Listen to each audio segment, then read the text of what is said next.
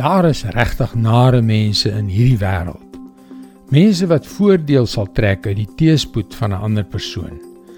Mense wat uit hulle pad uit sal gaan om sout in 'n ander se wonde te vryf. Dit is hartseer, maar dis waar. Hallo, ek is Jockey Gouchee vir Bernie Diamond en welkom weer by Vars. Die afgelope paar dae het ons tyd saam met Hanna deurgebring. Sy was 'n vrou wie se onvermoë om kinders te baar in 'n samelewing waar die aantal kinders wat jy gehad het, gesien is as 'n maatstaf van God se seën oor jou lewe. Hanna was een van Elkana se twee vrouens. Penina, die ander vrou, was om dit onomwonde te stel, 'n aaklige mens.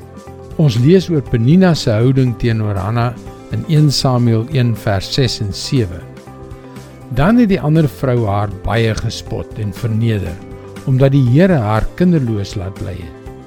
So het dit jaar vir jaar gegaan. Elke keer as Hanna in die huis van die Here gaan offer het, het Penina haar gespot sodat sy gehuil het en nie wou eet nie. Kan jy jou die situasie voorstel? Hierdie Penina was 'n sadistiese mens. Dis nogal snaaks vir my om so verhale in die Bybel te lees. Dis nie wat 'n mens in God se woord verwag nie. Maar weet jy, die Bybel praat oor dinge wat in ons lewens gebeur. Die regte lewe. En dit is die regte lewe. Hierdie dinge gebeur. Waarom dink jy het God gekies om hierdie spesifieke verhaal duisende jare gelede in sy woord op te neem?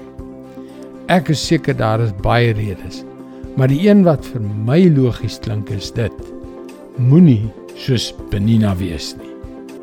Hoe eenvoudig is dit om wanneer daar iemand is van wie jy nie hou nie, jou te verlustig in hulle teespoed. Ons kom so maklik in die versoeking om sout in hul wonde te vryf.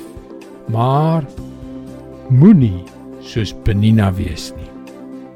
Dis God se woord vars vir jou vandag. Die waarheid is dat God diegene eer wat hom eer.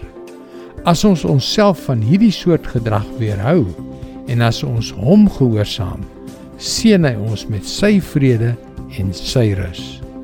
Gaan gerus na ons webwerf varsvandag.co.za waar jy baie opbouende vars boodskappe sal kry.